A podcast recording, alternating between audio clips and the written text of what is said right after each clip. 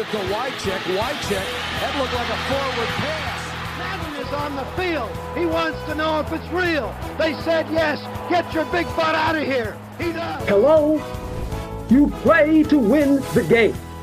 Hej hej och välkomna till ännu ett avsnitt av veckans NFL med Mattias, Lasse och Rickard idag. En eh, trio som eh, ändå har kört några gånger nu.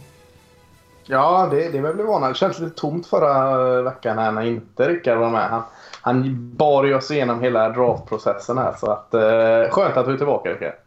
Ja, väldigt skönt att vara tillbaka. Det är uppskattat. Mm. Fick en liten utskällning direkt där för att ljudet inte var 100% synkat av uh, Mattias. Han är ju en jäkla ljudfascist uh, nästan. Så att, det var ett varmt välkomnande tillbaka.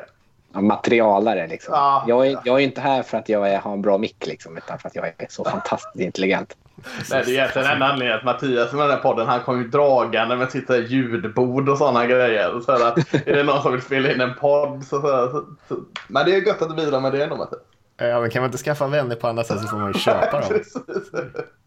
ja, men vi är ingen audiopodd här så vi, vi, vad, ska, vad ska vi prata om idag?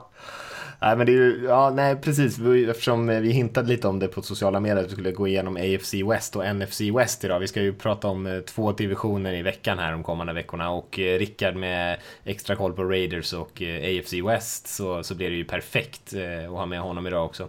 Mm. Så det var väl lite så vi tänkte.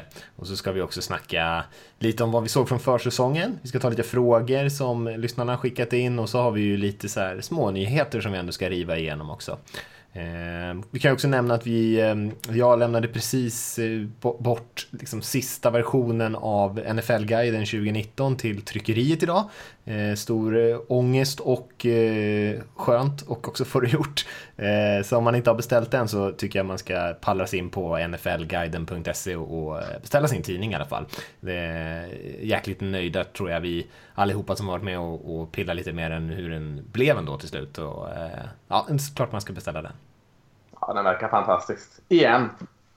det är så här, varje år, ja bättre än någonsin. Och så nästa ja. år, ja det är det bättre än någonsin.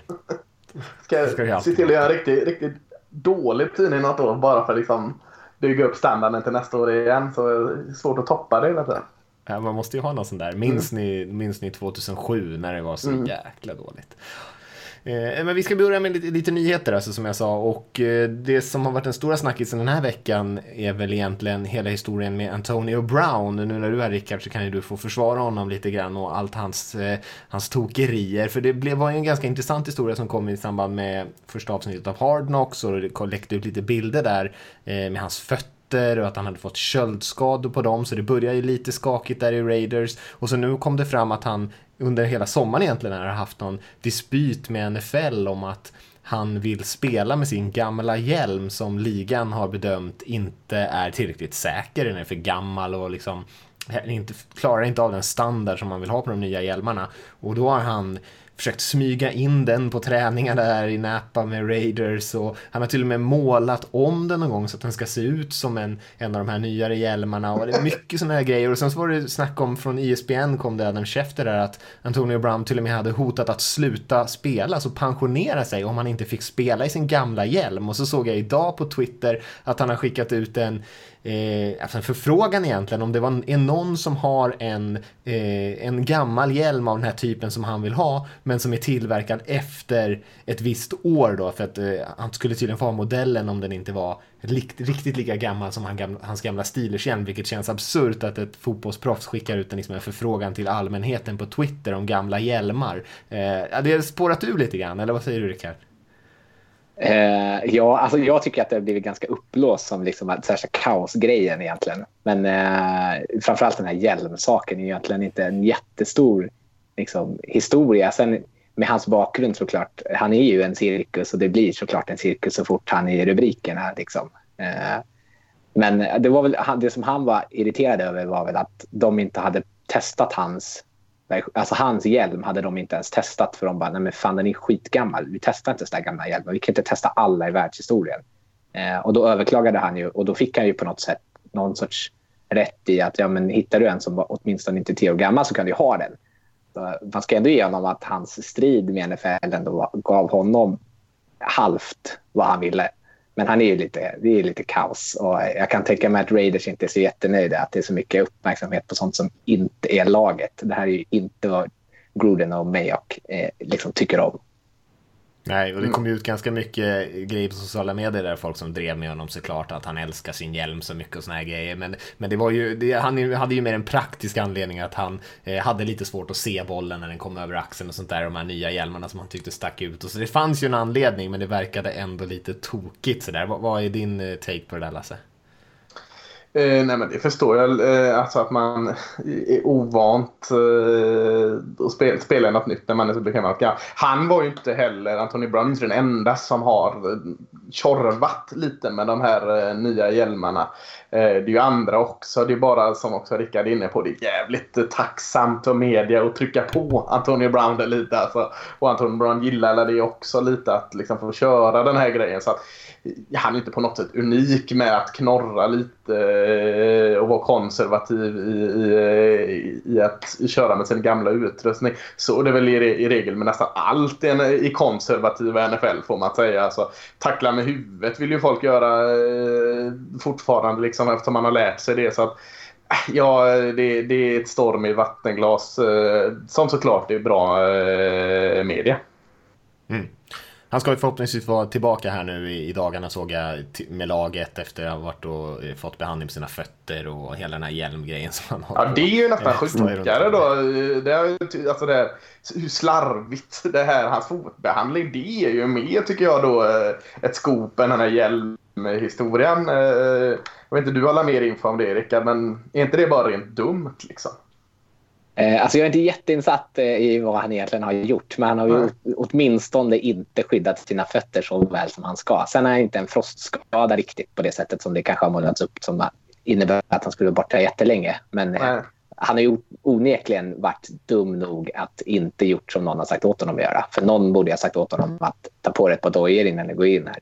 Ja, man såg ju någon bild där på hans. Det såg ju inte roligt ut alltså. Ja, nej, det såg ut verkligen äckligt. Det såg ut som halva skinnet på höll på ja. att ramla av honom. Det var som när man drar av det här eh, plasten från eh, köttfärspaketet du köper. Liksom, så borde du göra med hans skinn. Liksom, bara dra av det. Liksom. Han tar bort den skiten nu. Det kanske i och för sig fötterna ser ut som ett paket köttfärs också. Ja, så. kanske. Mm. Ja. Vi ska hoppa vidare lite grann. Vi har ju, eh, nu när jag bråkar lite grann med Rickard, ska jag bråka lite grann med dig Lasse. Också en, mm. en, eh, skottgluggen här på sociala medier, framförallt eh, Dak Prescott kom det ut att han har blivit erbjuden ett kontrakt. Är quarterbacken i, i Cowboys, ska vi nämna. Eh, blev erbjuden ett kontrakt värt cirka 30 miljoner dollar per år. Men eh, tydligen så vill han ha ett kontrakt på 40 miljoner dollar per år. Jag tror att Russell Wilson i Seahawks är väl den som tjänar mest just nu, tjänar 35 tror jag. Eh, mm Eh, årligen. Så det var ju många som tyckte att det var hysteriskt roligt och att han kanske till och med skulle vara rätt tacksam att han fick 30. Men eh, lite storhetsvansinne att begära 40. Men vem vet vad som pågår där bakom. Det är ju förhandlingstaktik allt det där egentligen. Men vad, vad känner du kring det? Ja, jag tycker inte det är något konstigt. Eh, alltså, jag såklart jag inte tycker han är värd eh, de, de pengarna. Eh, jag tycker i stort sett, för att dra det långt bort, tycker jag väldigt få QB som är värda så enorma pengar.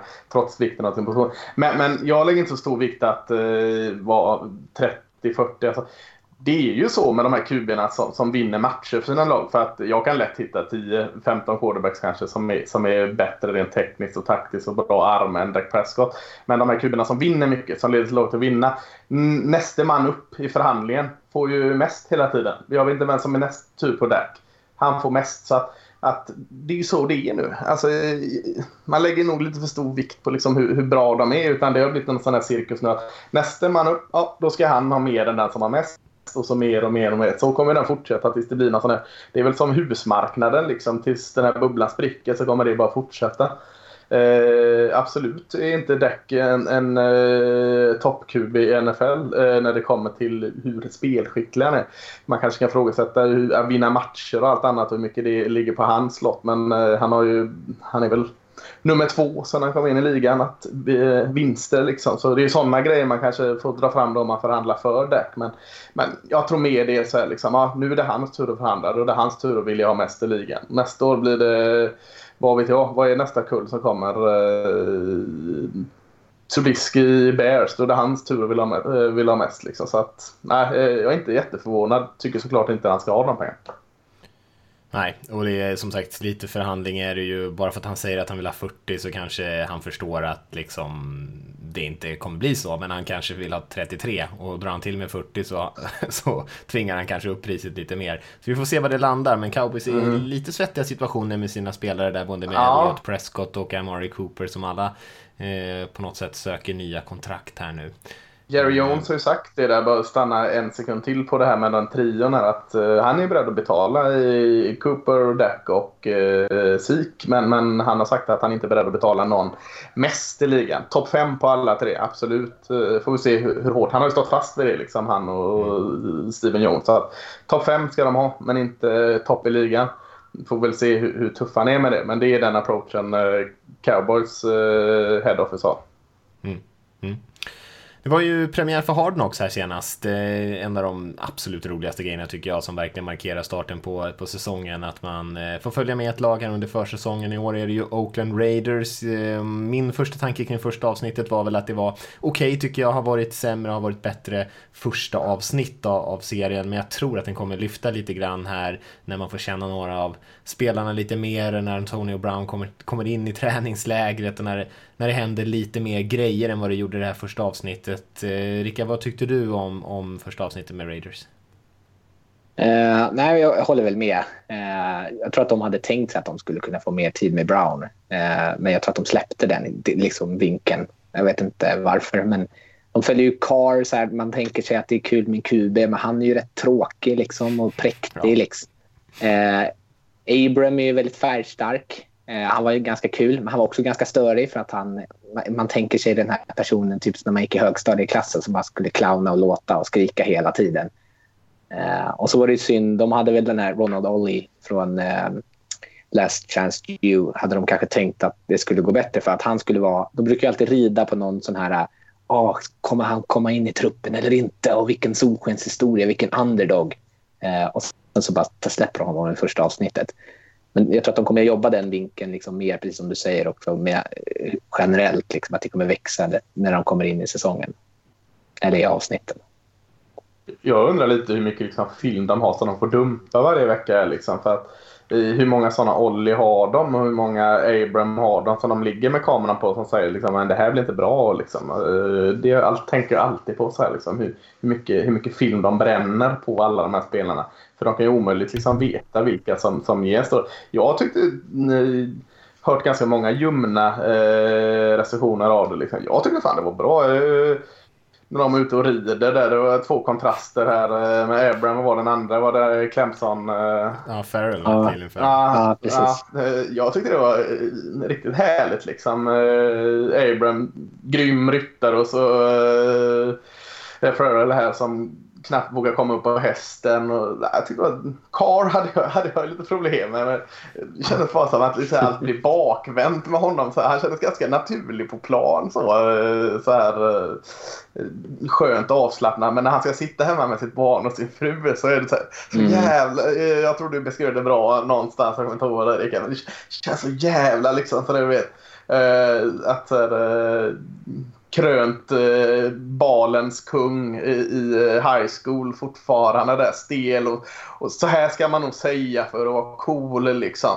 Eh, ah. Ja, kan man fortfarande spela en Blink 182-låt? Är det lite sådär coolt att få i bakgrunden? Han kände så jävla fan liksom, fått en lite för, eh, för grann dama liksom bredvid sig som han måste hålla jämna steg med. Sånt. Så, äh, det, ja, det, det kändes lite kul i efterhand. Det kan, det kan ha varit den skarpaste analysen du har gjort i den här podden. Alltså. Ja, det är inte så svårt. Men just då kändes det väldigt liksom, vad fan vad, vad det här blev fel. Liksom. Ja, de hade ju med den där kocken. Eh, ja. Så kommer jag inte vad han heter bara för det. Men det, det, känns som en sån person som Carl tittar på och bara Fan, han är ju rätt cool. Alltså, de där brillorna och det där håret är ju ballt. Så där ska jag också se ut sen när jag slutar sminka mig. Uh, att han, liksom, han har verkligen en fel uppfattning av vad som är ballt. Han ja, känns som en kille som är bro hela ja. tiden. Ska hälsa ju... sig, du vet sträcker fram handen rakt och sen äh, ska jag vinkla den och ta du vet sån där cool hälsning eller nej, ett steg av utanför plan. Hoppas han inte är det på plan. Han var ju lite, som man kände det när de tog upp om han hade oljat in sina armar så här så var han ju lite obekväm. För det är ju inte helt omöjligt att han faktiskt hade gjort det. Han försökte liksom skoja bort det lite grann men det kändes ändå som att det äh, finns, finns en liten sanning där ändå alltså. Att han har dragit upp dem där. Ja, det ska bli intressant att följa eh, Carr utanför planen. Mm. Mycket fint. Nej, men jag håller med. Jag, jag, kan, jag kan mycket väl tänka mig lite mer Gruden också faktiskt. För det, i den här situationen tycker jag i ett sånt här program så är han ju faktiskt ganska bra. Eh, Ja, svinbra. Det är ju tacksamt som fan att ha med honom där. Verkligen. Men vi, vi lämnar Hardnox. Det, det kommer säkert bli fler eh, besök och, till Hardnox och mer saker att säga om det. För att det, det lär väl komma mer Brown, mer Gruden och när det blir lite mer spel, lite mer cuts och såna grejer så lär man också få, få se lite mer, hänga med lite mer av de här unga spelarna. Och eh, som sagt försäsongen, ska vi säga någonting om det? Det har ju varit en vecka här nu med matcher och nu spelar vi in på en tisdag kväll här. Jag tror att det drar igång på torsdag den andra veckan av matcher och man får se eh, lagens starters lite mer. De flesta som i alla fall väntar starta matcher sen på när säsongen börjar kanske spelade en serie. Eh, de riktigt stora stjärnorna spelade ju inte alls här i den här första matchen men vi fick se ett par av eh, de, de unga stjärnorna ändå. Eh, har vi några takeaways från, från första veckan? Vilket lag, vilket lag vill du ha en takeaway från? Jag har så mycket så Välj att jag måste kontrollera mig. Nej, men jag har... Säg ett lag bara. Ja, herre. Seahawks. Seahawks, ja. Paxton Lynch såg riktigt, eh, riktigt fin ut mot sitt gamla lag. Eh, jag, någon som lyssnar får gärna liksom syna mig här för jag hade väldigt lite att göra i helgen så jag såg väldigt mycket preseason. Och eh, fick efterhand så här, för det var verkligen Paxton Lynch. Han såg så här smidig ut liksom. Så eh, sitter jag här och har sett fel person så, så syna mig gärna där. Men eh, Paxton Lynch såg het ut i Seahawks i slutet av matchen. Inte ens jag orkade titta så länge så att jag såg Paxton Lynch. Nej, men på QB-spåret då som är intressant så tyckte jag eh, Lamar Jackson i Baltimore såg eh, väldigt eh, slipad ut i sitt passspel. Det är ju en fråga som man ställer sig och har ställt sig mycket hur, hur han klarar passen. Tyckte han var, såg trevlig ut. Det var en positiv överraskning. Mm. Jag såg eh, Kyler Murray idag i, Cardinals eh, och jag tyckte han såg riktigt bra ut. Han eh, såg lugn och trygg ut. Ingen som helst problem, såg ut som han har spelat där i flera säsonger i det här spelsystemet och, och även fast det inte var några jätte, jättesvåra passningar så var det Eh, hela tiden balans i kroppen, ut med bollen fort och liksom helt eh, fläckfri bollplacering och, och accuracy på alla sina kast egentligen. Även de där han hade lite, lite sidearm och såna här grejer. Eh, och såg bara väldigt, väldigt naturlig ut. Precis som Mahomes kom ut och hade den här baseballkastarmen där man liksom, alltså det spelar ingen, nästan ingen roll om han springer, rör sig åt vänster eller höger, backar, liksom det, bollen hamnar ändå precis där den ska vara. Will, Russell Wilson har också lite av det i sig och jag tyckte man såg samma sak från Kylie Murray på deras eh, deras ganska misslyckade RPO-spel till exempel. Han liksom bara sular en boll lite med vristen i sidled till, till Fitzgerald också sådär på, på läppen liksom. Eh, och, och nej, såg väldigt, väldigt eh, bra ut. Nej, jag håller med. Eh, Man får den här, man får den här samma så här fuskkodskänslan som man får när man tittar på Mahomes. Att det är så här, ah, nu säkrar de honom. Så bara, "Nähä, vad, vad, vad hände? Nu är han liksom 10 yards därifrån och liksom, han är hur cool som helst. Och som du säger, bara fläker iväg bollen som ingenting. Ja. Ja, verkligen. Eh, samma med Baker Mayfield i Cleveland. Det är ju lätt att glömma att det här är bara hans andra år han går in i. Han såg ut som en veteran när han gick in redan eh, i sitt andra år. Alltså, det var imponerande. New York hade två bra, riktigt bra quarterbacks den tiden de spelade. Daniel Jones som vi har eh, väl eh, fnyst åt lite. Gjorde en, en imponerande drive och, Sam Darnold i New York Jets. Kanske en ännu mer eh, imponerande match. Så där har vi också två bra quarterbacks som, som verkligen stärkte sina odds. Mm. Kan nämna dansken Hjalte Froholt gjorde en väldigt bra match också för Patriots. Spelade i stort sett hela matchen. Eh, fick mycket, mycket tid på plan och eh, gjorde väldigt bra ifrån sig. Så att det är ju kul. Han eh, verkar ju ha en del fans i den byggnaden också bland coacher och, och front office. Så att det ser väldigt positivt ut för Froholt och, och få en ganska god chans där att konkurrera om lite speltid kanske till och med så småningom. Mm, ja, verkligen. Eh. Brian Burns, eh, pass rushen där i eh, Carolina, såg också väldigt het ut med 2-6 och eh, snabb som fasiken. Såg inte ut att ha några större problem mot ett eh, tuffare och starkare motstånd. Ja, får jag ta Andre, An- Andre Dillard, eh, tacken i Eagles, tyckte jag också såg jättebra ut. Inte alls. Jag trodde han skulle ha större bekymmer med liksom, eh, kraft och sådär. Jag tyckte han kändes betydligt stabilare än vad jag hade väntat mig. Ja, faktiskt. Helt klart. Eh, Jared Stidham, min Jared Stidham som jag blev så hånad för att jag tyckte om. Han har varit, eh, alla pratar om honom uppe i eh, New England-området. Väldigt bra på training camp och såg även bra ut i matchen. Eh, såklart hjälpt av vår danska offensiva linjeman, men eh, Stidham, bra. Kan säkert Patriots få någon sån här första val för att träda bort när eh, något lag får panik och så tar man han som är bakom Brady. Och så spelar den aldrig igen. Nej, Nej, något sånt ja. Ja, men vi kanske inte ska ägna så jättemycket tid för försäsongen, även fast du Lasse, jag vet att du har en hel eh, uppslagsbok av, av ja, det var jobbigt att välja här alltså. Ja, ja. Du kan få ta en till, en till får du ta innan vi går vidare. Eh, Ta något på försvaret om du har något då. Jag har ingenting på försvaret. Jag brände min med Brian Burns där. Det var det, var det jag hade. Eh, Kyle, eh, alla eh, Andy Reeds quarterback som kommer in ser ut att vara hur bra som helst. Så slängde in han Kyle Shermer, odraftad free agent från Vanderbilt. Eh, efter Mahomes hade dominerat. Han såg ungefär lika bra ut som Mahomes. Jag börjar tro att Andy Reid är en jäkla gud när det kommer till quarterbacks. Kollade, kollade bak hans karriär. Han har aldrig haft någon dålig quarterback. Så, eh, eh, någonting med quarterback eh, kan Andy Reid. Nej, jag tänkte precis säga det, du är inte så långt ifrån där med, med, med gud-stämpeln kanske på Reed. Nej, nej. Han kan det där ja. Eh, och, och han är ju faktiskt en av de divisionerna vi ska prata om nu. Vi ska prata om AFC West och NFC West. Eh, jag vet inte vilken ni vill börja med. Vi har ju sagt en del om AFC West redan, så vi kanske ska börja med NFC West så blir det lite balans. Och om, för de som inte vet vilka lag som huserar i NFC West så är det ju Seahawks, Rams, Cardinals och 49ers som vi har där. Eh, ganska intressant division i år kan jag tycka. Eh, och vi, vi hade ju en idé om att vi kanske skulle plocka ut kanske den bästa offensiva spelaren och den bästa försvarsspelaren i hela divisionen. Eh, liksom kicka igång oss lite grann. Eh, ska vi göra det kanske tycker ni? Ja, det kan vi väl göra. Eh, ska, vi, ska vi plocka bort quarterback ur ekvationen för att göra det mer spännande? Eller? Mm, annars, blir det lätt att, annars blir det lätt att man fastnar just det. Bästa defensiva är vi väl alla överens om att det är en viss D-tackle i Los Angeles som är va? Aaron Donald. Just det, jag Det tänkte in- föreslå Bobby Wagner, Wagner där men eh, Ja, det Donald förstår jag, men- men, svår att slå eh, såklart. Ja, det förstår jag jättebra. Men, men det, är liksom, det är lönlöst att ta bort Aaron Donald där. Eh, eh, så den är ju enkel. Offensivt då? Nu får vi ta bort quarterback här. Eh, vad har vi där eh, att ta egentligen? Inga sådana här jätteguldspelare man kommer på direkt i något av Rams, Seahawks, 49ers och Cardinals som du inte har med quarterback. Nej, Cardinals kan man ju nästan räkna bort direkt. Särskilt eftersom David Johnson kanske inte hade något så jättebra år förra säsongen. Ehm, Ska man ha en Rams. offensiv linjeman som jag vill säga Andrew Whitworth till exempel var jag inne på. Är det något att ha? Han är väldigt gammal men eh, tråkigt val. Ja. Jag vet inte, Rickard, har du något?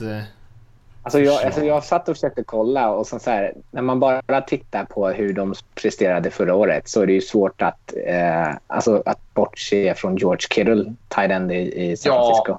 Mm. Tycker jag är Ja. jättebra. Och Han spelade ju helt, helt fenomenalt bra.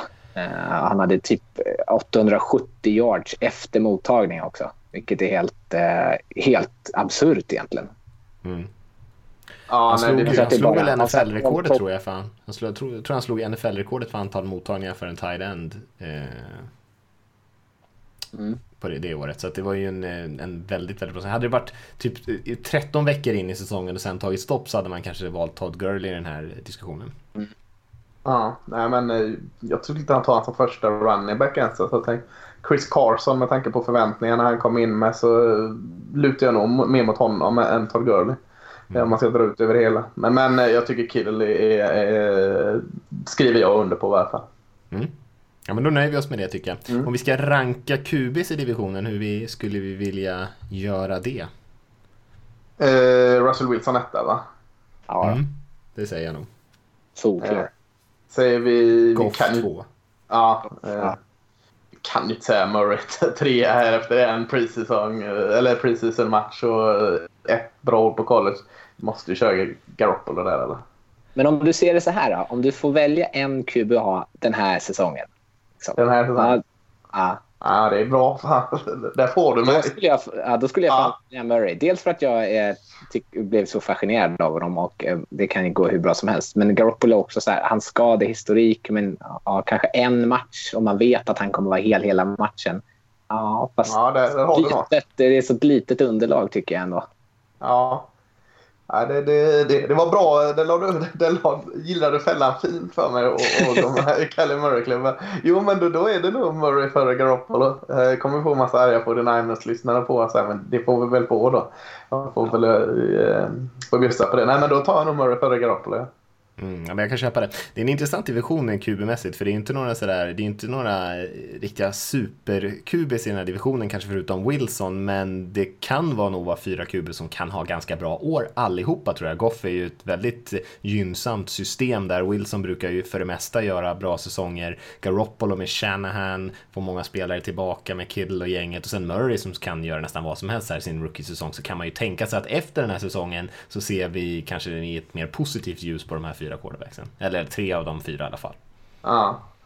Eh, hur gick säsongen? Eller hur gick eh, förra året? var Rams eh, etta, eh, 13-3 va? Seahawks tvåa, 10-6. Mm. Sen var det ett jätteglapp. 49ers 4-12, Cardinals 3-13 kan vi också säga. Så, så vi vet att eh, vi hoppas att det blir lite jämnare och det finns alla möjligheter att bli det va? Jag tror alla närmar sig mitten. Alla ja, närmar sig närmare 8-8. Ja. på något sätt. Nej, nej men det är så. Vad, vilket, lag, eh, vilket lag ska vi kolla på först? Jag eh, vet inte, ska vi börja med de som ligger sist, eller kom sist i fjol då, Arizona Cardinals? Absolut. Uh, gick 3-13. Två av vinsterna var innan divisionen sig. Uh, skulle vi ta fram några nycklar här eller ska vi... Är det så enkelt att säga att den här Kylie Murray och Cliff Kingsbury-grejen är en nyckel till framgång? Eller är det för stor press redan på en första QB? Mm, jag, jag tror att de... Det. Ja, jag tror, men jag tror att de är liksom redo att leverera. Jag, jag skulle säga att nyckeln är huruvida eh, laget omkring kan ge dem rätt förutsättningar. Kanske framförallt den offensiva linjen som var en katastrof i fjol. Man har ju försökt förstärka och bygga om lite grann där, men det är ju inget som är säkert med att det kommer vara sådär jättemycket bättre. Men eh, offensiva linjen skulle jag säga som enhet, kanske anfallet som, som en större grupp. Mm. Eh, ja, men det kan jag köpa faktiskt. Men försvaret ser väl inte heller helt liksom, eh, färdigproduktaktigt ut. Eh, har lite svagheter där med. Mm. Man tänker sig lite också senast man gjorde något sånt experiment med en så superoffensiv eh, lagd coach med lite, för det, han kör också i ganska högt tempo ändå. Ja. Eh, hur ska liksom hela själva lagbygget fungera? Eller som med, när Chip Kelly gjorde det här anfallet bara producerade en massa poäng och försvaret spelade så här 58 minuter av alla av matchen. Liksom. Att, eh, hur ska de liksom kunna balansera det på ett fungerande sätt? Just det, jag har glömt Chip Kelly-eran i NFL. Uh, ja, det, det är spännande att se. Uh, det har ju sett fantastiskt ut på college-nivå med Cliff Kingsburys offensiv. Uh, nu har man har ju uh, Wance Joseph här, va, som defensiv koordinator, gamla trötte Broncos-coachen. Mm känns som väldigt konstig, eh, ett konstigt äktenskap de två där. Men, men det, det, det, kan det kanske vara. Nej men det ligger något i det hur, liksom ska, hur, hur redo är laget att köra den här snabba racet. Det, det, det köper jag. Uh, vad har man för nu? Uh, Kevin White ska bli spännande att se. Det hände ju ingenting med honom i Chicago. Draftades högt som fasiken här. Uh, kommer in och, och kändes som en snabb och effektiv spelare i college. Kanske en sån som kan få sitt genombrott äntligen i, i det här offensiva systemet. Ja, kanske. Man hoppas ju också lite grann på, eh, på Christian Kirk, att han skulle eh, ta ett, ett steg och, eh, och bli ja, en större bidragande orsak. Man, kan, man kan ju inte hela tiden luta på Fitzgerald som trots allt blir äldre och äldre. Och sen så hoppas man ju såklart att David Johnson ska kunna komma tillbaka och ha en bättre säsong. och det hänger ju mycket på linjen där också. Mm. Det känns ju som både Kirk och David Johnson eh, passar väl in i det systemet. Liksom, att det är den typen av så här, superexplosiva spelare som är bra med bollen i handen. Eh, mm.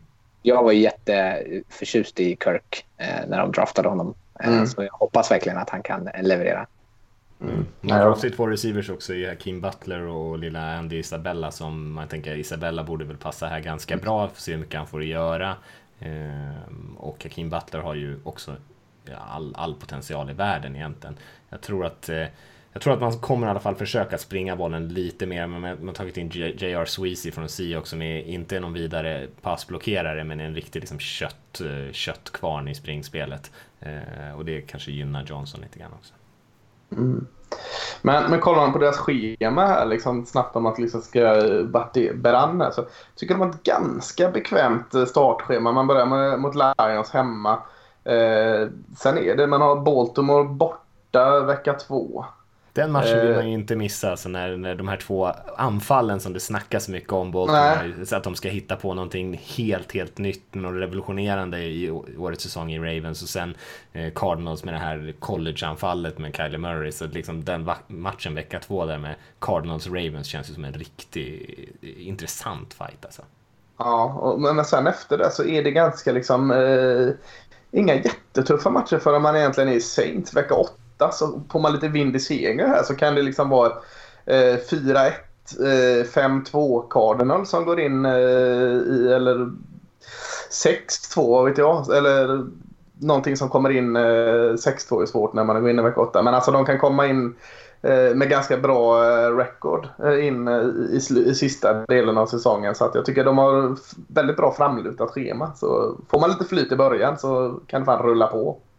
Avslutet är ju förskräckligt ja. i och för sig. Ja, det är hemskt. Rams, Steelers, Browns, Seahawks, eh, Rams. Liksom. Ja, Seahawks bort, borta dessutom. Ja. Eh, så det kan bli svettigt. Alltså man måste nog ligga, man måste nog ligga åtminstone Ja, alltså man, måste, man måste ligga riktigt bra till innan de fem sista matcherna.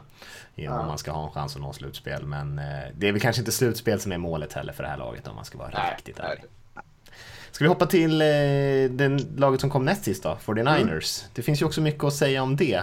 Eh, vad, nyckel där kan man väl ändå... Alltså försvaret var ju, hade, visade ju en del potential i fjol men producerade i stort sett inga turnovers. Eh, löjligt, löjligt lite turn turnovers. Jag tror Sämst hela 49... i NFL någonsin var det väl? Ja, det kan vara så något sånt. I alla fall interceptions. De hade ju två interceptions som lag på hela ja. säsongen. Vilket är liksom, eh, ja det var säkert 30-40 spelare i NFL som själv hade mer, själva hade mer turnovers än hela 49ers lag. Så att, att försvaret börjar eh, sno åt sig bollen ser jag som en stor nyckel för 49ers.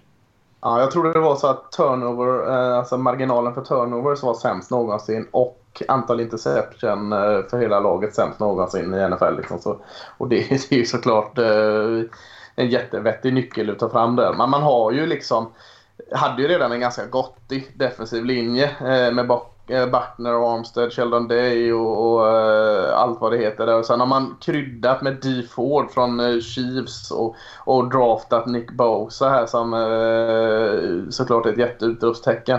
Så liksom, kan inte de stressa fram quarterbacken till att kasta lite dåliga eh, pass som, eh, och ge chansen för lite turnovers så vet jag inte vad egentligen. Så ja, jag tycker det är en ganska bra nyckel. Mm. Mm, håller med. Har du, har du några tankar där Rickard? På något annat? Eh, alltså jag tänker mig också att om de kan få Jimmy Garoppolo hel en hel säsong. Att man verkligen kan få det, se det här anfallet eh, prestera så bra som det skulle kunna med Shanahan bakom spakarna. Liksom. Eh, det är också svårt liksom för försvaret att kanske att hamna i situationer där man tvingar motståndet passa i så desperata situationer eller ta, tvingar dem ta dumma beslut när motståndarlaget tänker så här, ah, det spelar ingen roll för deras anfall är så dåligt mm. jag, jag, tror att deras anfall kommer vara bra. Alltså jag tror att eh, nästan vilket anfall som helst som har Shanahan som coach är bra. Jag skulle vara förvånad om, om, eh, om Garoppolo är hel så skulle jag bli väldigt förvånad om de inte har ett topp 10-anfall nästa säsong. Jag är ju stort fan av Dante Pettis också, deras unga receiver som, eh, som också skadade sig i fjol och dessutom spelade med, eh, med väldigt suspekta quarterbacks där. Så att jag tror att så länge de får behålla sina absoluta viktigaste spelare så kommer de ha ett produktivt anfall. Och då hänger väldigt mycket på försvaret. Men det finns ju talang där som, som Lasse lyfte upp. Mm tycker även de har en ganska eh, trevlig start på sitt schema. 49ers eh, hittar väl egentligen inga skräckmatcher förrän då Rams borta vecka 5. Eh, Buccaneers borta, Bengals börjar med två bortamatcher säger men Buccaneers och Bengals är inga omöjliga uppgifter. Sen Steelers, Browns hemma, lite tuffare motstånd men ändå hemma liksom. Så att, fan, det är ju inte omöjligt. Sen är det Rams borta.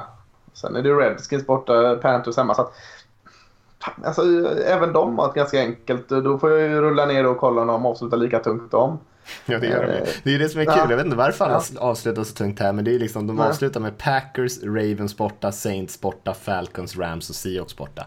Det är Ja. liksom ett, ett mardrömsschema de sex sista matcherna där. Så att, eh, Ja, det Ja, gäller ju för dem att ta de här tidiga segrarna och få det här självförtroendet som man bara flyter på liksom. Så, eh, så eh, får man hoppas att något av de här lagen är, har en, en mindre lyckad säsong i slutet av säsongen och kanske inte alls är det man, man tror de är. Liksom.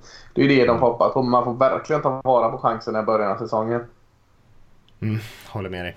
Ska vi hoppa till Seahawks? Ja. De gick ju 10-6 i fjol, kanske Eh, säger jag då som Seahawks-fan, kanske lite mer än vad de förtjänade egentligen.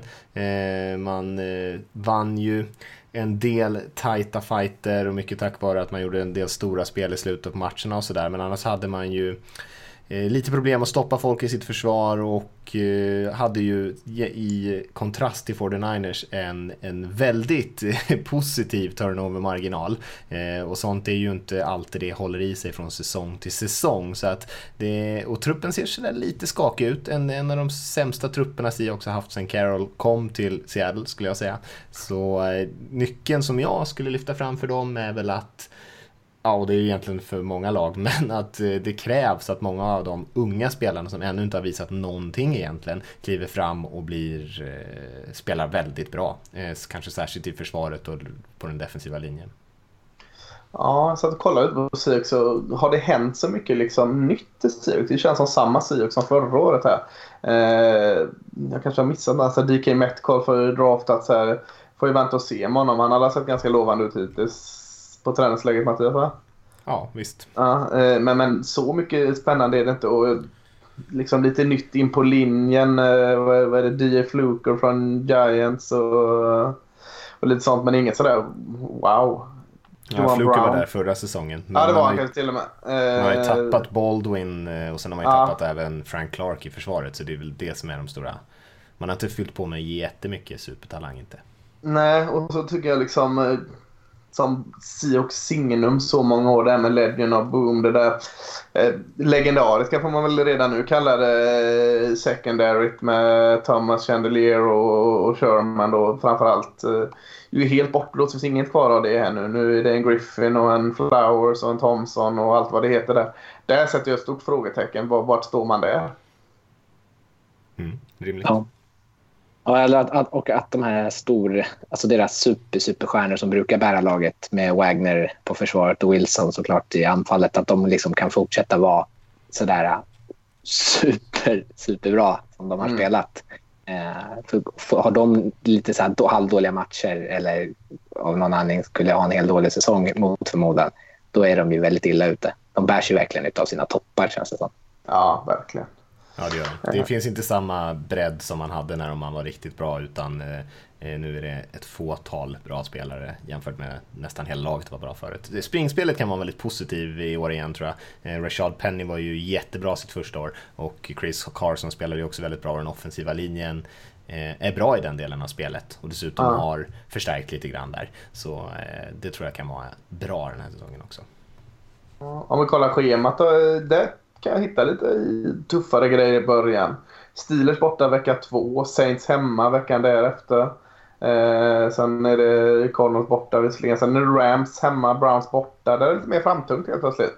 Mm. Eh, får de ta sig igenom det så, så är det väl då kanske med all logik lite enklare i slutet. Ja, så mycket enklare är inte. Rams borta har det där men ja, hyfsat bekvämt. Och Eagles har det borta i sig också men eh, ja, jag, jag, lite mer ärligt fördelat i alla fall.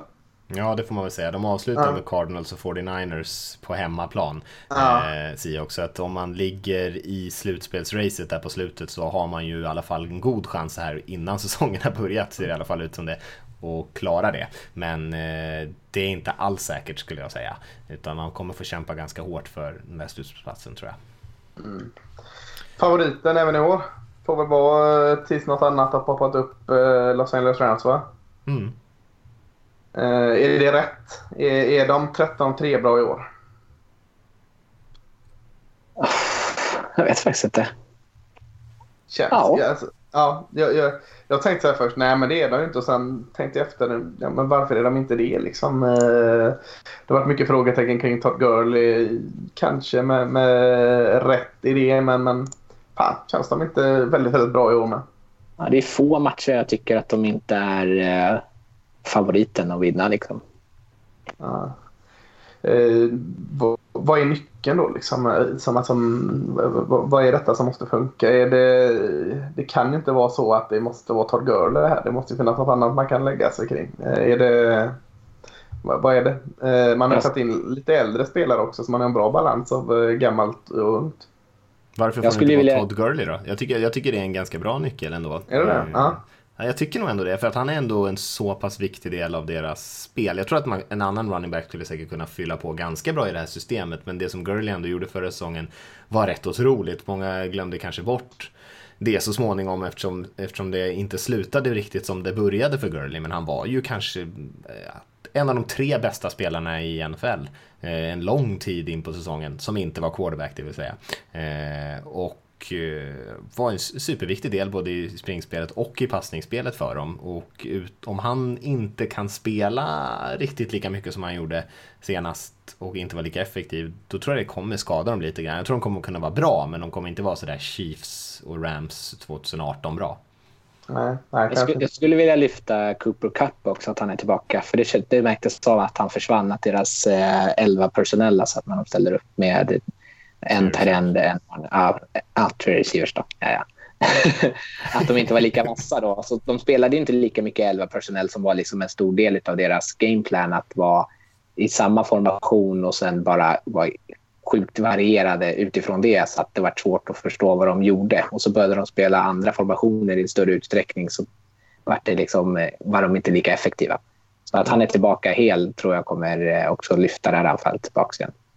Ja, men det ligger väldigt mycket i det. Sätter kanske alltså eh, ett halvt frågetecken i alla fall på offensiva linjen. Andrew Whitford har varit gammal ganska länge. Varit väldigt bra ganska länge. Någonstans måste liksom det börja pika av för honom, left hacken där.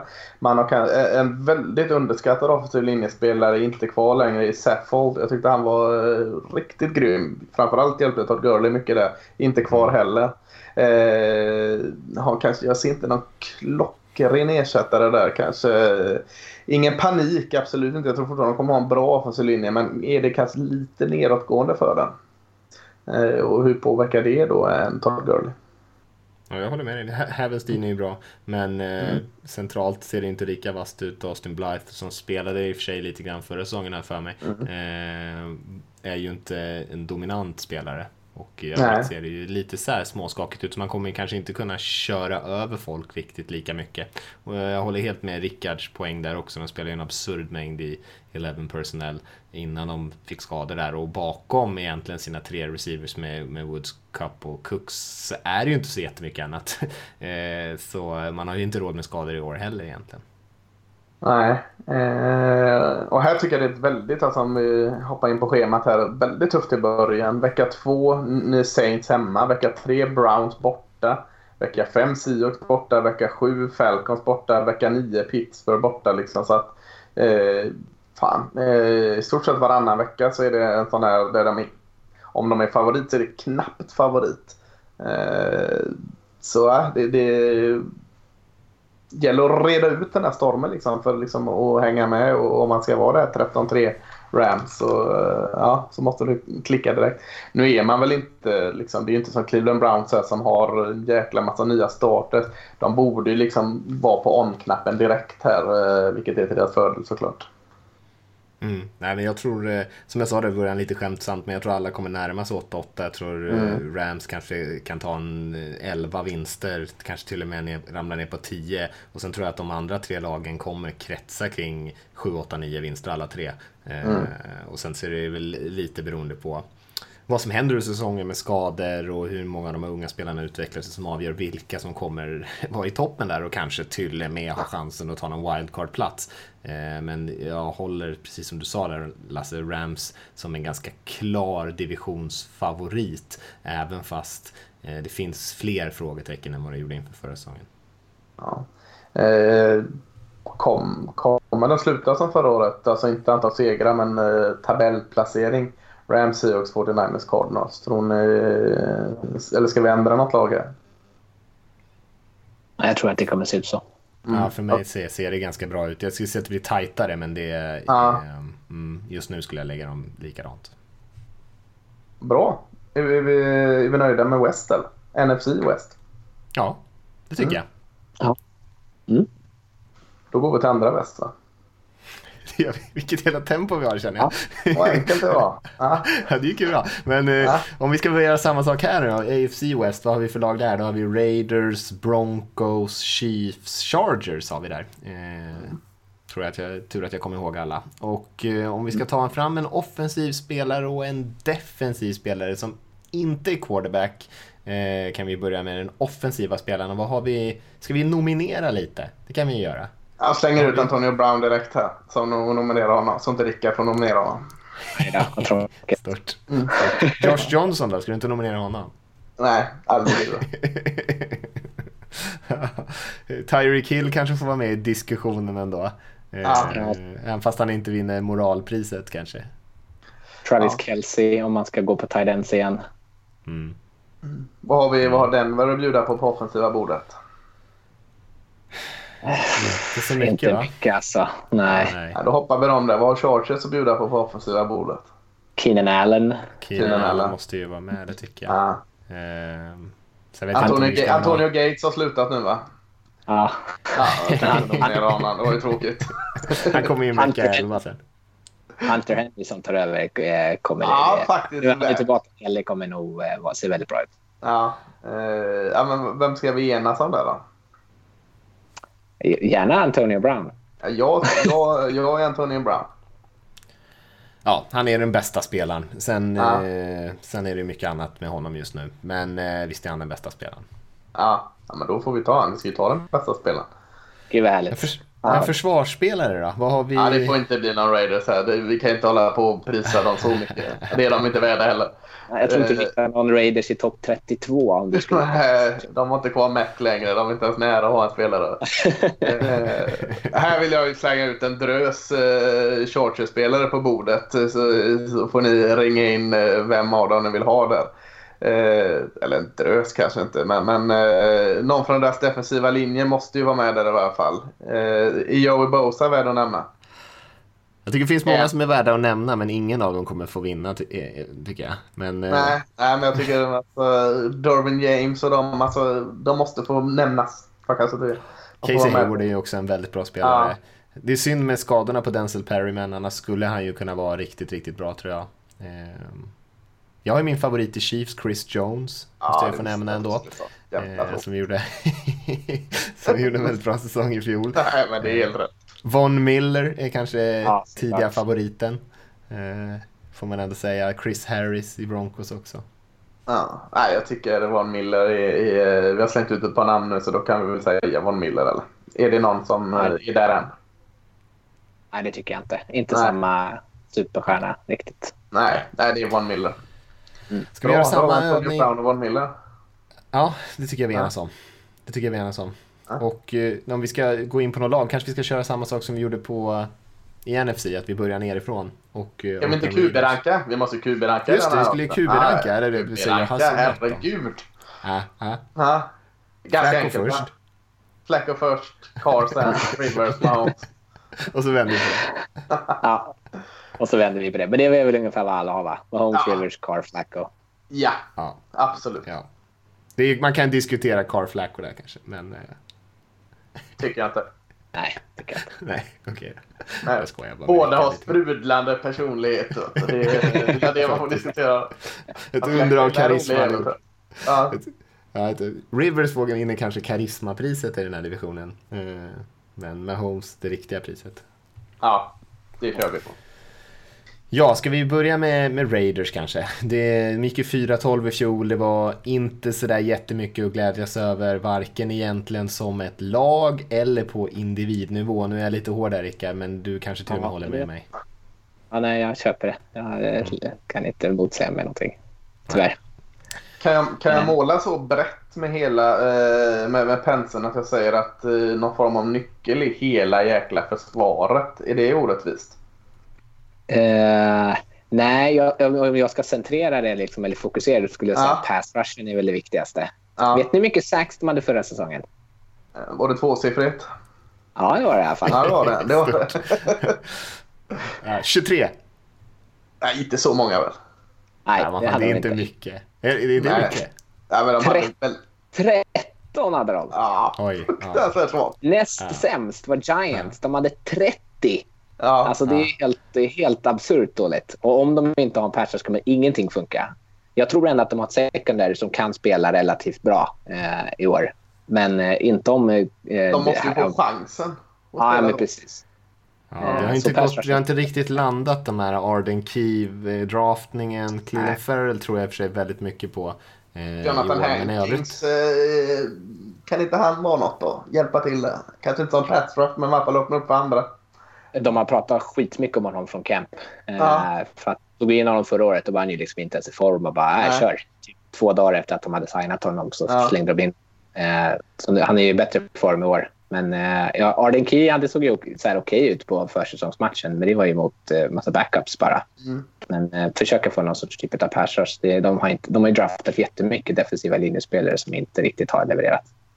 Nej, men liksom om man slänger in i en sån här spännande eh, kittel och rör runt så har du ju Morris First, Jonathan Hankins, Clennon Farrell, Arden Key. Någon av dem tillsammans eller två av dem, något där måste ju komma ut av det. I varje fall mer än 13-6.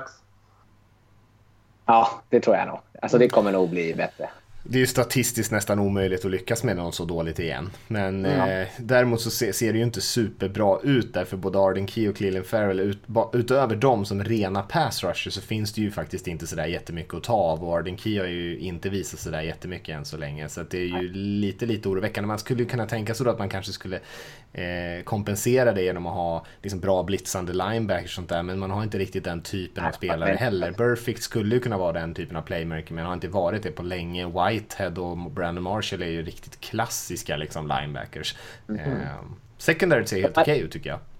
De har lagt mycket fokus, nu blir det mycket Raiders prat, det ber jag om ursäkt för. Ja, men det får vi göra. Men de har lagt mycket fokus på att försöka stärka centralt i linjen. De kommer säkert spela med Hankin som är en ganska stor defensiv tackle och, och eh, Justin Ellis som också är en skitstor defensiv Mm. tackle.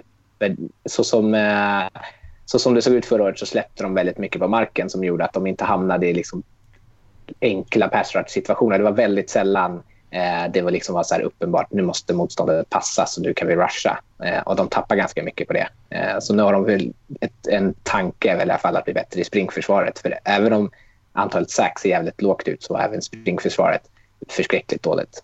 Mm. Jag tycker vi har tillåtelse att stanna lite på Reddit eftersom vi ändå är med det Rickard. Så det, det får lyssnarna stå ut med. För jag är nyfiken lite här. Eh, offensiven ser ju, tycker jag ser bra ut. Eh, Eh, men, men vem var det nu i offensiva linjen? Var det Gabe Jackson som gick eh, sönder?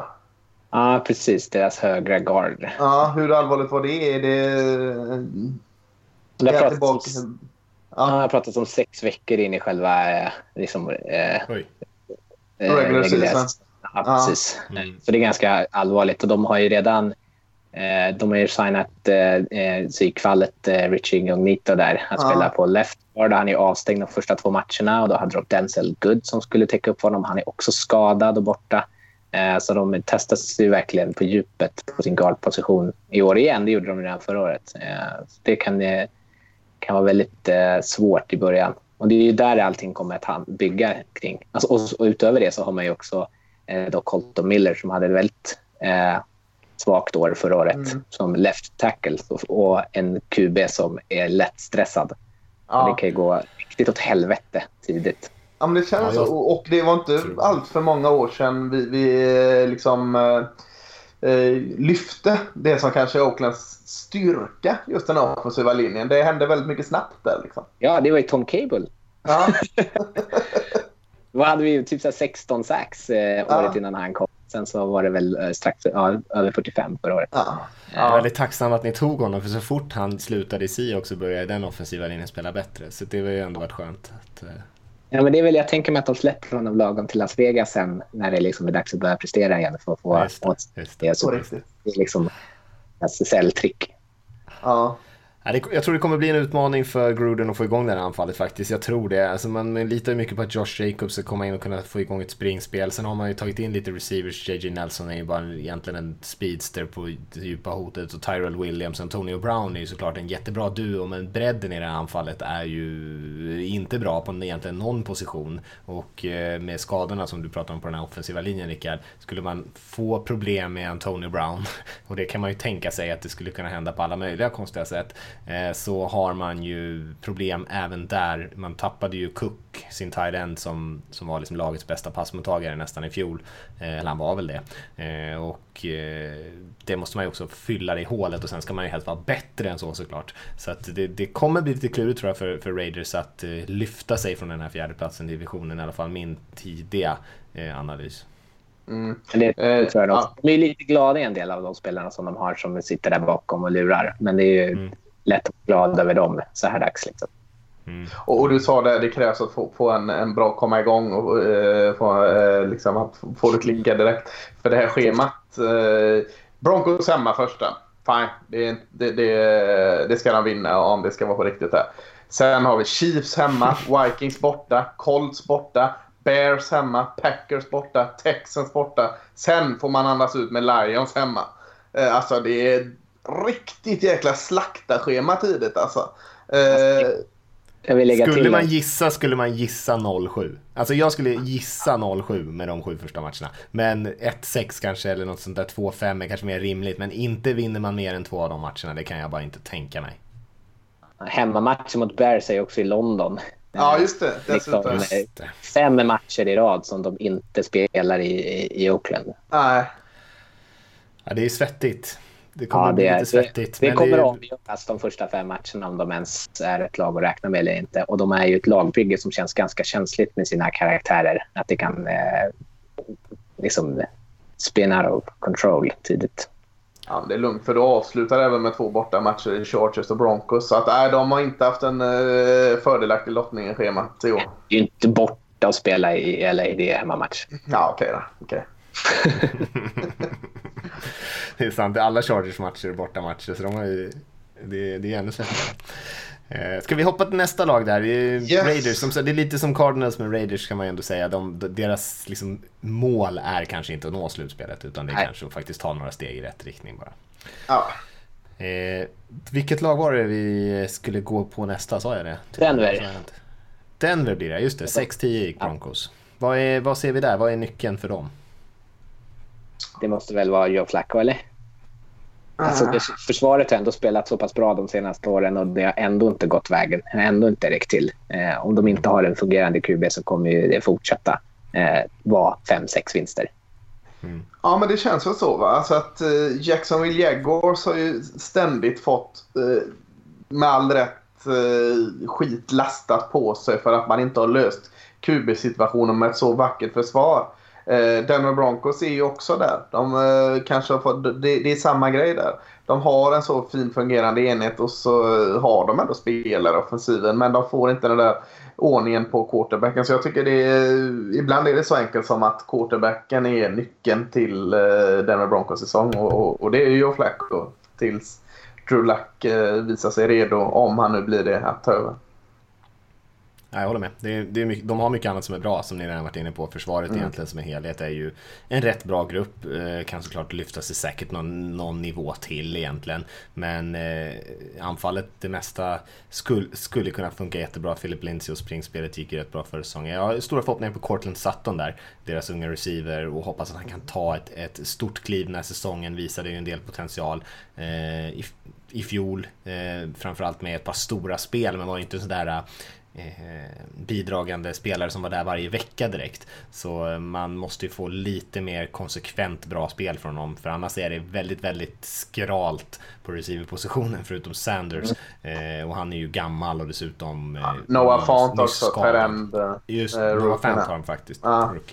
Det, det, är också ett bra alternativ men annars är det ju ganska dåligt med, med skillspelare faktiskt det är läskigt att förvänta sig att hela anfallet, eh, liksom, eh, att det bästa i anfall ska vara ens rookie tight end. Ja, Men, mm. men det är väl något sätt dit man lutar liksom. Ja. Eh, men det känns väl lite som att eh, Vic Fangio, här nya eh, huvudtränaren, liksom har tagit tag i eh, Denver Broncos i kragen. Skakar om dem lite. Liksom, pam, pam, pam, pam, pam, kör. Så det, jag, jag tycker det är lite eh, Oakland-stil över Denver Broncos i år också. Att liksom, fan, nu målar vi om den här kartan och, och jävla kör vi. Liksom. Det kanske inte blir disco direkt år ett. Men eh, vi sätter fram riktningen det här året. Lite så känner jag den med Broncos i alla fall. Håller med. Ska vi hoppa till Chargers? Vi har ju två lag i den här mm. divisionen som gick 12-4. Chiefs eh, tror jag i slutändan blev rankade högre på någon typ av inbördesmöte-variant. Men eh, Chargers gick ju 12-4, gjorde en jättefin säsong såklart på alla möjliga sätt. Eh, räckte inte riktigt till i, i slutspelet. Men vad ser vi i i Chargers den här säsongen? Vad, vad, vad behövs för att de ska ta det där sista klivet? Ja, den tycker jag är svår liksom att ringa in någon, någon, tydlig... Är det någon som har någon sån här som sitter och bara håller på den här? Alltså får jag välja en spelare så skulle jag säga Mike Williams, receivern. Eh, ja. tror jag blir viktigt som ett djupt hot. Av att, nu tappar de Tyrell Williams till, till Oakland. Som, eh, han var den som alltid så utmanade försvaren att han kan liksom eh, bara kuta rakt förbi oss om vi inte är försiktiga. Eh, och det kommer de behöva för Keenan Allen är inte riktigt den typen av receiver. Han är mer en possession receiver. Mm. Eh, Hunter Henry, eh, tight-enden där, han behöver också utrymme att jobba centralt i banan. Så de behöver någon som kan sträcka på försvaret. Och där tror jag Mike Williams, även om han inte är så skitsnabb, så är han eh, deras bästa djupa hot just nu. Så jag tror att han blir viktig för att anfall ska kunna klicka. Vi får ja. se hur mycket speltid Travis Benjamin får. Men han är ju annars lite av en speedster, lilla tunnisen. Han är inte lika bra.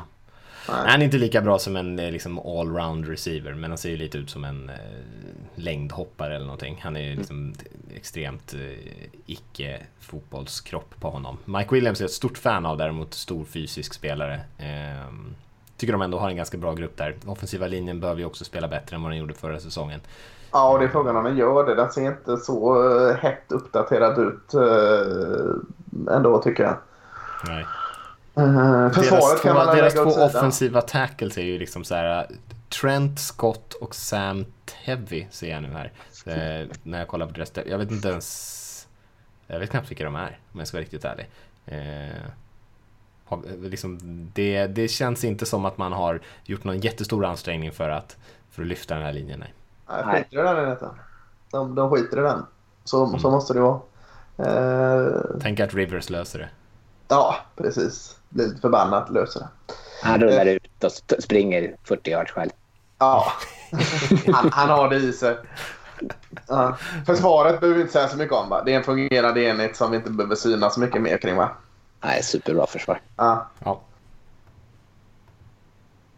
Mer ja. där har vi inte va? Nej, jag tror inte det. det är, om vi ska säga någonting om deras spelschema de också. De har ju ett ganska eh, hyfsat generöst spelschema kan jag tycka. Man böter ju ja, bland annat eh, AFC South som kanske inte är den tuffaste divisionen i, i NFL just nu. Eh, så att man har ju Colts där som är en ganska tuff motståndare. Men man möter Lions, Texans går ju att vinna, Dolphins bort borta. Man har Broncos, går ju att slå dem också. Sen har man Titans. Det, och ändå Raiders. Det, det fortsätter ändå med helt rimliga matcher att vinna. Och jag tror ändå att de, de kommer inte gå 12-4 troligtvis, men de kommer säkert att eh, kunna ta en slutspelsplats tror jag. Eller åtminstone vara precis där omkring och, och nosa den här säsongen också med tanke på att de fortfarande har kvar väldigt många duktiga spelare och ett hyfsat eh, snällt spelschema. Mm. Nej, men det är det med. Då ska vi hoppa till vinnarlaget i den här divisionen. Det var ju Kansas City Chiefs som var väldigt, väldigt spännande på alla möjliga sätt förra säsongen. Såklart MVPn Patrick Mahomes, unga quarterbacken som liksom tog ligan med storm. Ett av NFLs absolut sämsta anfall, i alla fall statistiskt sett. Och ett av, eh, eller kanske till och med NFLs bästa anfall. Så det är en helt, eh, väldigt tydlig kontrast mellan de här två olika lagdelarna som, som det här laget består av. Eh, men det är man tillräckligt bra och gör tillräckligt många poäng så spelar det kanske inte så stor roll om man läcker lite. Nej, eh, och, och eh, ja, alltså det, jag, jag har så svårt att hitta svagheter med Chiefs här just nu. I varje fall om du kollar på den här offensiven. Eh, den är verkligen laddad och eh, tråkigt att säga att Patrick Mahomes behöver bara prestera nästan lika bra som förra året för att det ska lösa sig. Så att för mig är ju det en så tråkig nyckel, Patrick Mahomes. Ja. Alltså är det väl försvaret tänker jag mig att de, borde vara, att de behöver vara bättre på att kanske generera turnovers. Liksom, eller alltså, i så stora viktiga matcher att kunna spela lite mer aggressivt. Jag tror att de är väldigt förtjänta av att de har bytt sin defensiva koordinator mm. eh, till Steve Spagnuolo. Jag tror att de kommer vara lite mer oberäkneliga. Eh, och de har tränat massa stunts och grejer på den defensiva linjen. Eh, förra året var det alldeles för mycket bara ja, men se till att du vinner din matchup. Och så hade de liksom inte spelare som var tillräckligt bra att göra det eh, under Bob Sutton. Så det tror jag eh, kommer bli bättre och jag tror att det är viktigt för dem att försöka få så mycket få sitt anfall på plan så ofta som möjligt och det är liksom nyckeln. Mm. Sen, sen, tycker jag alltså eh, de har börjat få ett ganska intressant secondary som har varit lite svajigt eh, sista också med Kendall Fuller Honey Badger. Eh, draftade en Johan Thornhill som har sett bra ut och så eh, Bashar Breeland. Jag tror de passar ganska bra som en grupp där så att eh, eh ganska kul secondary. Ja, det är lite varningstecken kanske kring deras pass rush kan jag tycka. Man, eh, det var många som tyckte att Dee Ford kanske inte var riktigt lika bra som hans statistik visade i fjol och att han eh, inte kanske var värd riktigt det här stora kontraktet han fick och sånt. Det var mycket sånt snack. Men han har ju en eh, profil som passade det här anfallet ganska mycket. En speed rusher som dessutom producerade väldigt mycket turnovers. Han har ju 13 6 och 7 forcerade fumbles förra säsongen. Så att någonstans måste man ju ersätta den produktionen. Även fast Clark kommer in så är han ju inte riktigt den typen av spelare. Han är lite mer allround, han är en bra pass rusher. Eh, men kanske som en ren speedrusher sådär så kanske till och med Ford är vassare. Och eh, någonstans måste man ersätta den produktionen om man ska fortsätta vinna matcher. För det är klart att har man ett bra anfall så är det ju en extremt stor fördel om man snor bollen och motståndarna ger tillbaka den till sitt väldigt bra anfall. Då är det väldigt svårt att hänga med för motståndarna. Så någonstans måste man ju producera lite turnovers också. Absolut.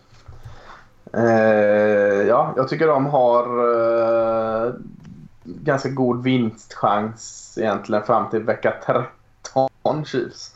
Eh, på alla matcher. Eh, New England borta vecka 13.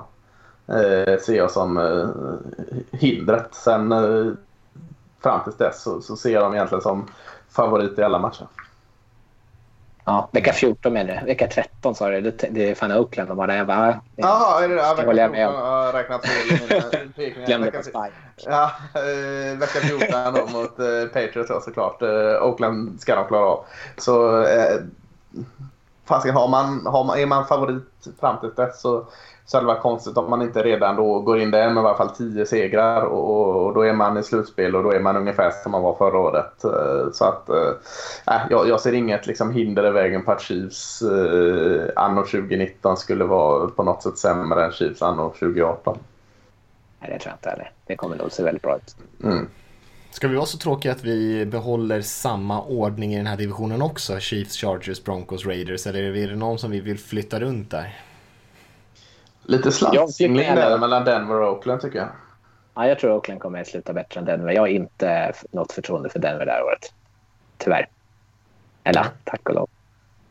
Jag, jag har ing, ingen... Liksom, för mig är det ungefär samma situation där. Eh, så då får man gå ner i sån ruskig detaljnivå som eh, närmast sörjande som Rickard här är. Så att, eh, jag litar på att eh, Rickard inte på något sätt är hemmablind utan tar en, tar en nykter analys. Och så, så säger jag då också att Oakland lägger sig före den. Mm. Ja, men då så. Mm. Eh, Ska vi runda av med att ta lite frågor? För vi skickade ut på Instagram om lite frågor Vi fick in ett helt gäng. Och några har vi varit inne på. Det var mycket frågor om Antonio Brown till exempel. Eh, vilka lag som, vi, som gör den liksom, största förändringen tycker jag vi varit inne på. Prata lite grann om lite olika, eh, var de kommer att hamna i tabellen. Eh, någon som undrar här om Chiefs kommer att, eh, efter att de har tagit hem AFC West, ta sig till Super Bowl den här säsongen. Vad, vad tror ni om deras Super Bowl-chanser? Eh, goda. Eh, lika goda som något annat lag eh, som är där uppe. Jag, jag, det är ju New England Patriots i AFC och Chiefs som gör upp om Super Bowl-platsen tycker jag. Ja, det tror jag också. Mm. Ja, men jag håller med.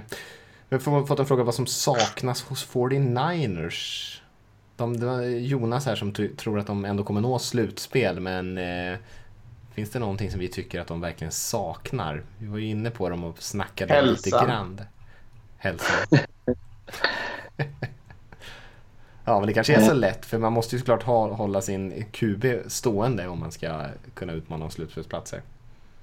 Jag vet inte om jag har jättestort förtroende för liksom deras, eh, deras secondary. Nej, jag tänkte säga det. Tydligare idé i försvaret överlag. Där, eh, alltså secondaryt kan man peka ut också. Jag håller väl kanske, eh, nu har de förstärkt eh, linebacker-gruppen där, men jag håller väl egentligen bara defensiva linjen som väldigt bra. Sen är det bakom där, ah, där går det att hitta ganska tydliga brister. Eh, Fred Warner gjorde en jättefin första säsong och nu har han tagit in Kwon Alexander från eh, Buccaneers vill jag säga, stämmer det? Ja, det stämmer. Ja, eh, så det är klart, där, där finns det ju någonting. Men, men det är ju inga sådana här liksom game changer än i varje fall innan de har visat det mer tydligt. Så att, nej, eh, förutom defensiva linjen så är det försvaret som, som eh, måste eh, ta stora kliv. Ja. Och runda av med en fråga från Tobias Hansson här som undrar om Drew Lock är framtiden för Broncos eller ska man vänta in Tua eller Herbert eller någon av de här andra eh, grabbarna det snackas om i collegefotbollen? Drew Lock är ju backup QB i Broncos just nu. Ja, eh, John Elway och hans uh, regi, eller quarterback i första rundan. Nej, det, det vet vi inte. John Elway vet ju inte, så hur ska vi veta? Alltså, han tar ju en QB varje år i första rundan som aldrig blir något. Så nej, men ta en QB nästa år också så gäller inte han framtiden heller. Jag, jag vet inte. Lock tog han ju i andra rundan, så det är Ja. ändå lovat. Ja, det var högt i andra rundan. Det är en för, första runda-ish. Eh, nej, det är lågt för Elway. Det är helt rätt. Han tar, tar en QB lågt chans här. Eh, nej, Det sett men... jättebra ut för honom heller. Och han är ju ett projekt, så liksom, Ja. det finns ingenting som hindrar dem från att ta en bra QB nästa år. För han kommer inte se ut... Alltså nästa år kommer han inte vara så pass bra att de, in, att de ska tveka på att ta en QB om de väljer högst upp där. Och någon av de här, om de verkligen är, tycker om någon av de här eh, spelarna när de kommer ut.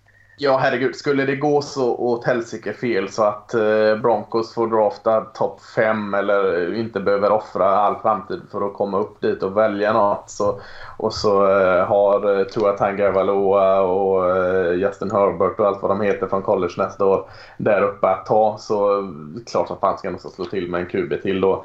Eh, vad händer i värsta fall? Man får en franchise-QB och får offra ett val i andra rundan. Det är ju en no-brainer. Klart man ska göra det. Mm. Jag tycker att eh, Drew Lock eh, luktar lite mer backup QB än eh, franchise QB. Om jag ska vara riktigt ärlig. Ja. Det kände jag nog inför draften där också. Men Mm. det är klart, han har, han har en del grejer som man kan tycka om. Men huruvida han någonsin blir riktigt bra eh, skulle jag säga en long shot i alla fall. Mm. Nej, men jag är beredd att hålla med. Eh, bra hörni grabbar, det här gjorde vi ju ganska bra. Drog bara hyfsat ut på tiden. Eh, vi... Jag tycker vi gjorde det mycket bra. Mycket bra. Mm. Mycket bra. Fem av fem getingar till oss idag. Ja. Mm. Eh, men vi är tillbaka om en vecka och då kommer vi ha två andra divisioner att snacka om och kommer vi köra ungefär samma upplägg eh, och, och lite aktuella grejer och sånt där. Men eh, för den här gången så får vi väl ändå ta och, och runda av. Tack Rickard för att du hoppade in här och snackade lite, lite västra delen av NFL. Och eh, tack alla ni som har lyssnat. Skicka in frågor. Vi kommer säkert köra någon liten sån här frågestund på Instagram inför nästa veckas podd också. Men eh, om ni inte ser det så kan ni alltid mejla till podcast.nflsupporter.se. Gå in och beställ NFL-guiden om ni inte har gjort det. Men annars hörs vi om en vecka hörni. Det gör vi. Ha det bra. Hej då.